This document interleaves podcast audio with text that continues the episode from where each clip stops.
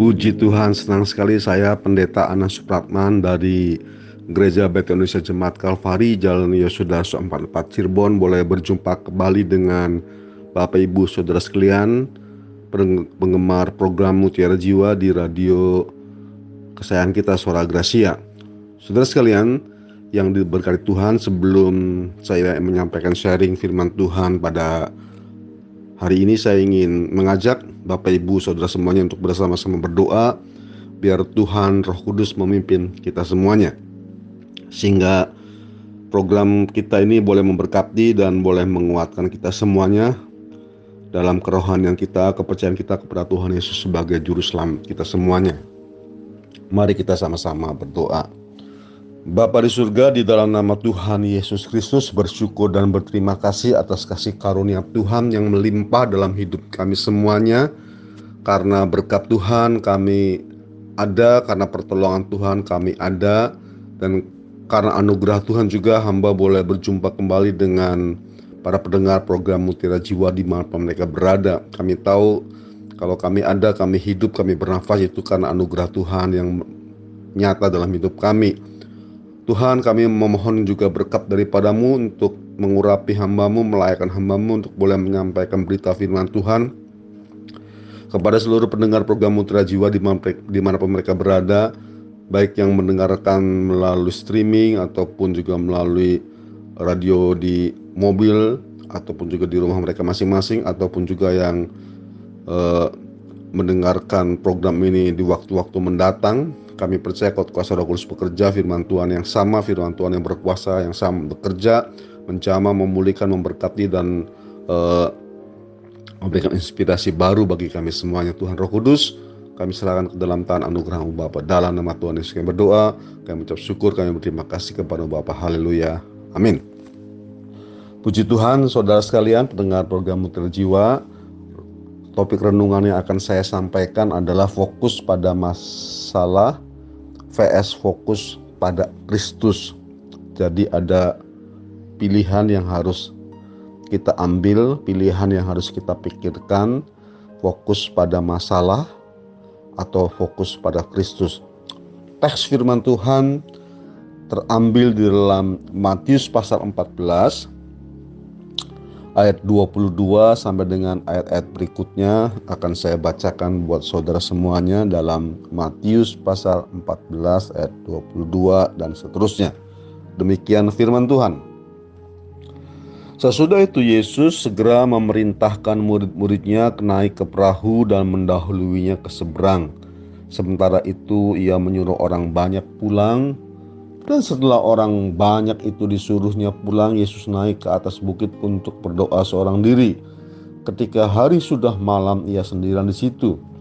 Perahu murid-muridnya sudah beberapa mil jauhnya dari pantai dan diombang-ambingkan gelombang karena angin sakal. Kira-kira jam 3 malam datanglah Yesus kepada mereka berjalan di atas air. Ketika murid-muridnya melihat dia berjalan di atas air, mereka terkejut dan berseru itu hantu lalu berteriak-teriak karena takut. Tetapi segera Yesus berkata kepada mereka, "Tenanglah, aku ini, jangan takut." Pendengar program Mutiara Jiwa di mana Anda berada. Bacaan nats firman Tuhan hari ini yang terungkap dalam Matius pasal 14 suatu proses, suatu perjalanan Tuhan Yesus dengan murid-muridnya sendiri. Namun menarik kita akan menyimak satu persatu catatan daripada penulis Matius ini bagaimana satu pergumulan yang dihadapi oleh murid-murid Tuhan.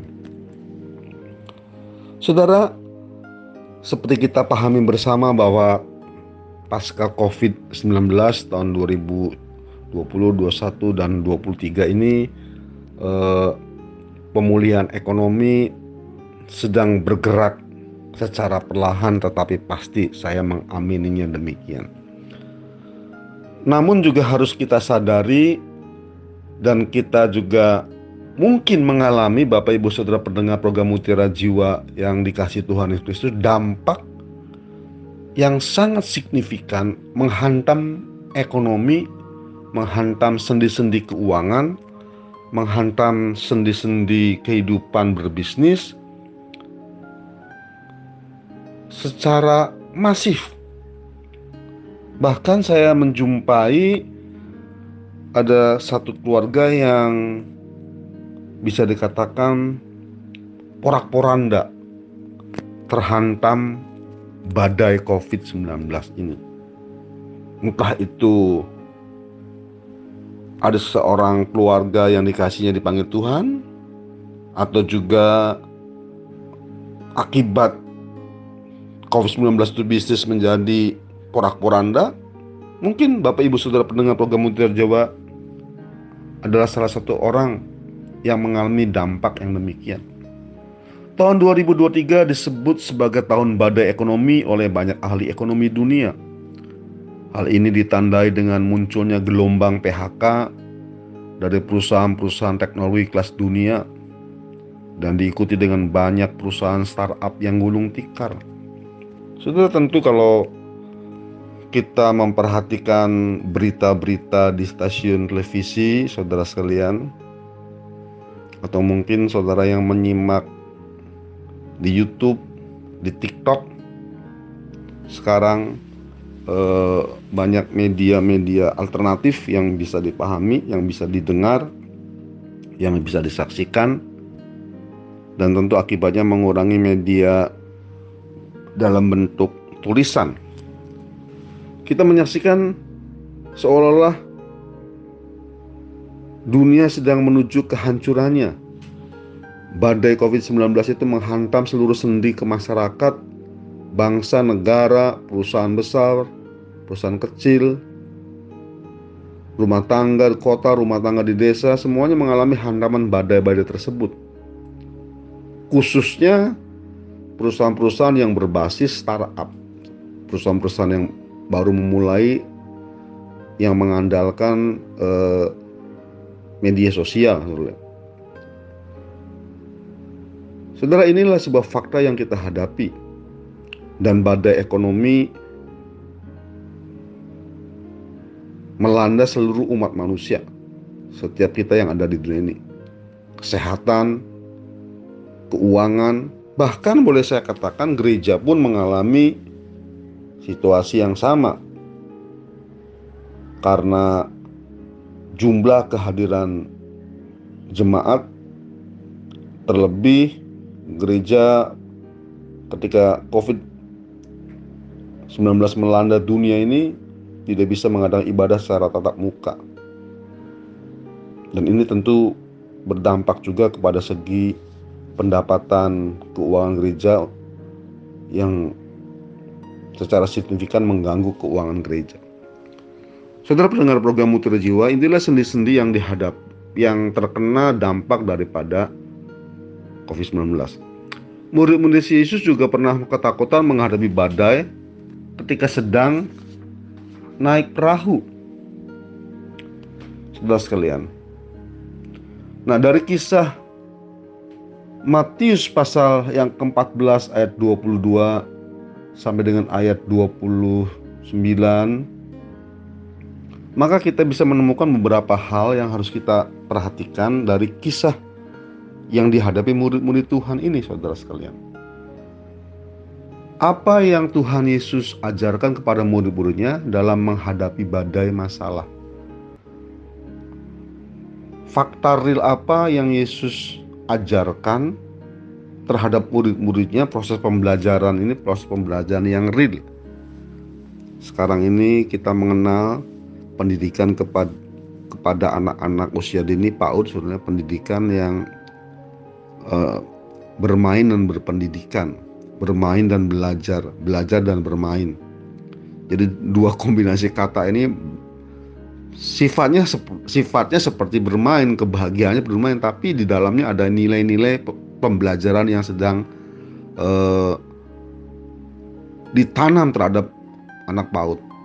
Sifatnya belajar tapi dalam bentuk bermain permainan-permainan ini ada nilai-nilai pelajaran yang sedang diterapkan dalam proses bermain ini. Jadi belajar untuk bermain, bermain untuk belajar. Dua kata ini saling mengaitkan. Belajar kehidupan, rumah tangga menghadapi tantangan ada sebuah proses pembelajaran kehidupan.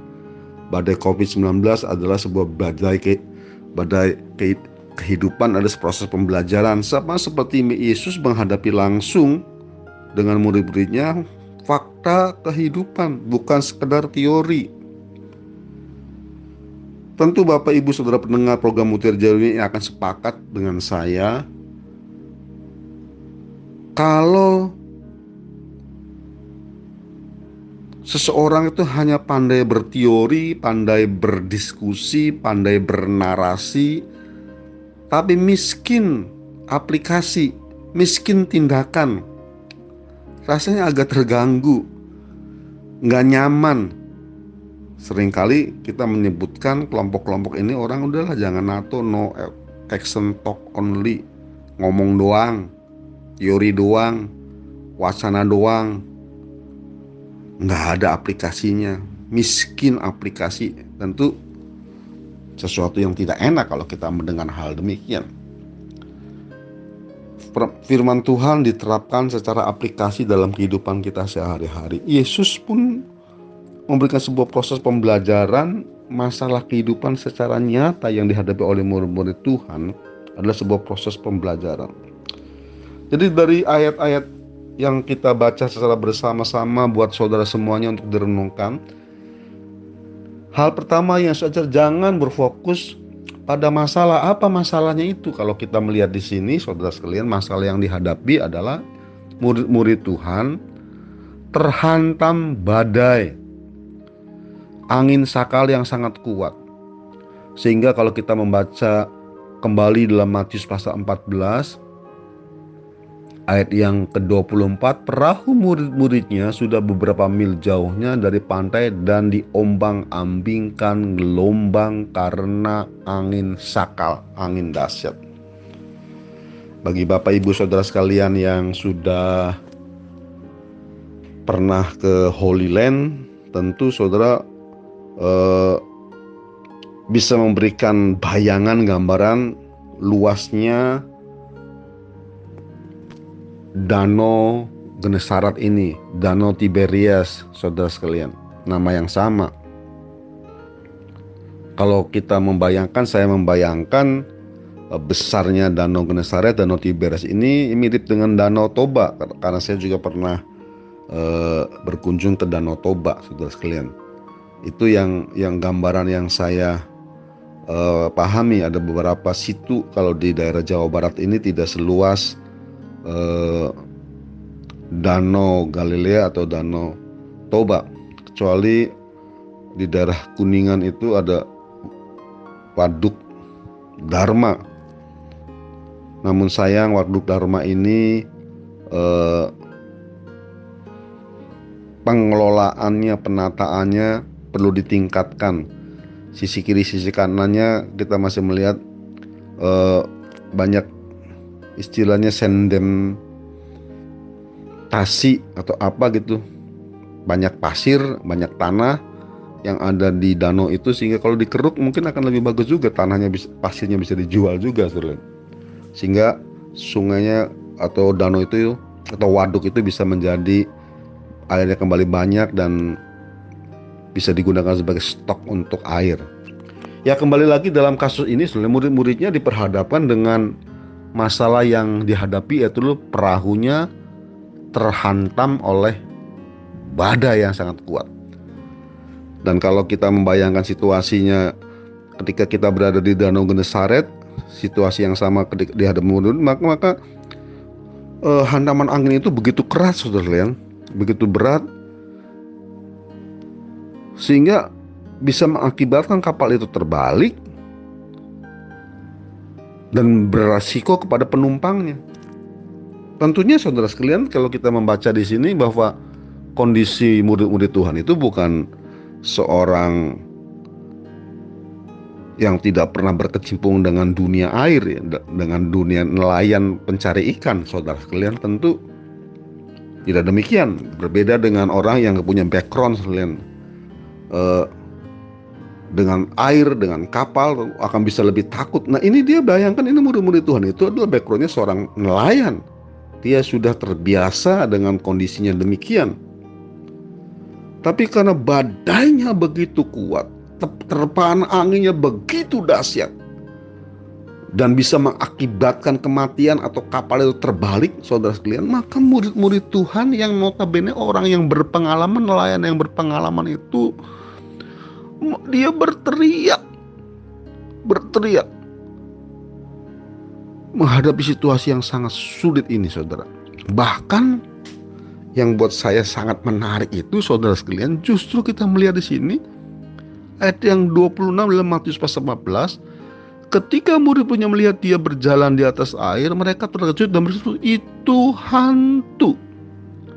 Jadi penulis Matius memberikan sebuah gambaran bahwa murid-murid Tuhan ketika ditekan, diperhadapkan dengan gelombang angin yang dahsyat, perahu yang terhantam badai angin, titik fokusnya menjadi bergeser.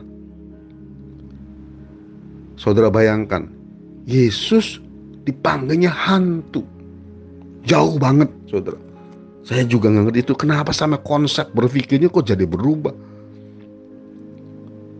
di otak yang dia pikirkan waktu dia menghadapi masalah itu bukannya Tuhan, bukannya malaikat, tapi yang di otaknya itu gambaran hantu. Waduh, sebuah kontradiktif. Itu kan seharusnya saudara sekalian, murid-muridnya bergaul dengan Tuhan Yesus, istrinya makan dengan makanan yang sama, minum dari air, air yang sama, mandi-mandi dari air yang sama, makan kudapan-kudapan dari yang sama. Ya lumayan proses pergaulannya walaupun tidak belum terlalu lama, saudara ya sekitar dua tahun, dua tahun setengah. Ya cukup lumayan juga harusnya sudah bisa sedikit sedikit sedikit sedikit memahami walaupun kita harus akui saudara. Kadangkala kita terhadap suami, suami terhadap istri belum bisa memahami seribu persen tipe karakter dari pasangan kita walaupun mungkin sudah menikah 30 tahun, 35 tahun, sudah sekalian kita harus akui juga ada hal demikian karena kita kadang-kala kita berpusat terhadap diri sendiri. Kecenderungannya demikian. Masih untung, masih baik, saudara sekalian kalau motif di dalamnya itu adalah memang baik. Tapi motif baik aja kadang-kala tidak seses tidak cocok dengan selera pasangan kita tidak cocok dengan selera apa yang kita berikan karena kita berpandangan kita memberikan sesuai dengan keinginan kita. Padahal keinginan kita, selera kita berbeda dengan oknum orang yang akan kita berikan.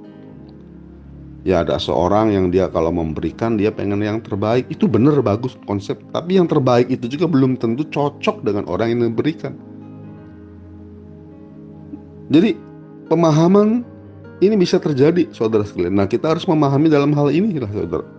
Hal-hal kecil ini juga bisa menimbulkan gelombang badai, ya titik-titik seperti yang digambarkan Nabi dalam perjanjian lama. Ada satu titik sebongkah awan sekepalan tangan ini adalah sebuah titik potensi untuk ada hujan besar. Jadi titik-titik ini juga harus kita waspadai karena itu hal-hal itu bisa bisa menyebabkan sebuah gelombang badai rumah tangga, gelombang badai persoalan dalam rumah tangga. Itulah perbedaan kita bisa demikian, konsepnya bisa berbeda.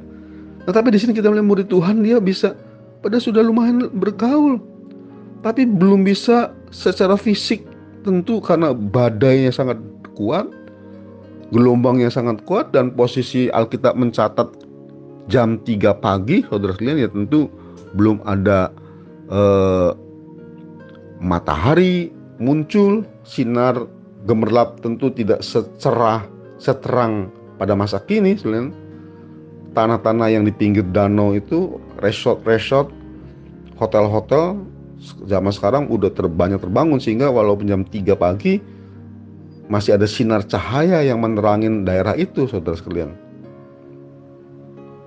Jadi objek pusatnya berubah dari Tuhan menjadi hantu sangat jauh. Karena apa? Faktor kepanikan. Itu sebabnya bagian pertama ketika kita dihadapi gelombang masalah, gelombang rumah tangga, gelombang PHK, gelombang-gelombang tantangan, sudah jangan panik. Don't panik istilahnya gitu. Saya masih ingat ketika saya uh, studi di Australia naik salah satu suatu saat saya naik bus, saya nggak tahu arah busnya ke mana, ya saya tanya kepada uh, orang yang sedang duduk menunggu bus itu, ya kira-kira ini kalau mau ke sini naik apa? Naik mobil bus nomor berapa? Dan hal yang pertama yang dia sampaikan, don't panik, jangan panik gitu. Akhirnya saya bisa naik bus dan sampai ke tujuan yang saya cari. Jadi jangan panik, karena panik, ketakutan, kekhawatiran, menghilangkan fokus yang harusnya kita fokus kepada Tuhan, maka berubah menjadi fokus kepada iblis. Saudara bisa bayangkan. Jadi bila hari ini Bapak Ibu Saudara pendengar program Mutiara Jiwa mengalami satu gelombang badai, don't panik, don't panik, tenang. Apalagi sampai mengidentifikasinya, saudara sekalian, hantu. Waduh saudara sekalian, padahal kan kita melihat awal-awalnya itu Yesus sendiri yang menyuruh, Yesus ada bersama dengan dia. Saudara sekalian, dia ngerti karakteristik Yesus. Jadi saya lihat murid-muridnya dia gagal memahami Yesus tipe karakter saudara sekalian. Kan kita bisa memahami loh saudara. Saudara bisa memahami tipe pemimpin saudara. Saudara bisa memahami tipe karakter anak buah saudara. Ada anak buah yang egois, semuanya buat kepentingan sendiri. Ada anak buah yang care, penuh perhatian. Ada anak buah yang bolos-bolos, rajin bolos-bolos terlalu banyak alasan, pasti udah kita ketahuan. Dan itu juga memberikan sebuah penilaian kepada seorang pemimpin dia diberi potensi tugas apa. Ada orang yang dikasih tugas, anak buah yang dikasih tugas, dia bertanggung jawab dan kita yakin kalau dia dikasih tugas pasti dijalankan. Dan itu kita senang. Tapi kita nggak mungkin memberikan tugas itu juga bukan tidak mungkin khawatir kalau kita kasih tugas itu tidak jalan apalagi tugas-tugas itu tugas yang vital kita akan sangat berhati-hati walaupun kita selalu mencoba dalam proses proses pembelajaran ya memberikan orang kepada kesempatan tapi kalau kesempatan diberikan satu kali dua kali gagal tentu kita nggak berani berspekulasi. Jadi kita selalu memberikan kesempatan sudah bayangkan di sini fokusnya hantu padahal Yesus bersama-sama dengan dia jadi kita harus pahami dalam situasi apa pun juga di dalam badai sekalipun juga badai yang sedang saudara hadapi pastikan fokuskan, jangan panik dan ada Yesus di dalamnya. Yesus tidak akan meninggalkan saudara. Tuhan Yesus mengajarkan agar kita jangan fokus kepada masalah karena itu bukanlah solusi yang terbaik. Tetapi Tuhan Yesus meminta agar kita lebih berfokus kepadanya dan beriman bahwa Tuhan kita lebih besar dari masalah yang kita hadapi. Saudara dengan baik, Tuhan kita lebih besar dari masalah yang kita hadapi. Di tengah badai itu juga ada Tuhan yang siap menghampiri saudara. Di tengah-tengah badai rumah tangga yang saudara hadapi, di tengah-tengah badai ekonomi yang saudara hadapi, di tengah-tengah badai sakit penyakit yang saudara hadapi, ada Tuhan yang siap menolong saudara, ada Tuhan yang memperhatikan saudara, ada Tuhan yang siap mengulurkan tangannya untuk saudara sekalian. Fokuslah kepada Tuhan yang siap menolong. Kemudian hal yang kedua, kita akan perhatikan juga setelah itu kita jangan memperhatikan sekeliling. Saudara sekalian. Kalau kita kembali membaca dalam Matius pasal 14 ayat yang ke-30 diungkapkan, tetapi ketika dirasanya tiupan angin, takutlah ia dan mulai tenggelam lalu berteriak, "Tuhan, tolonglah aku."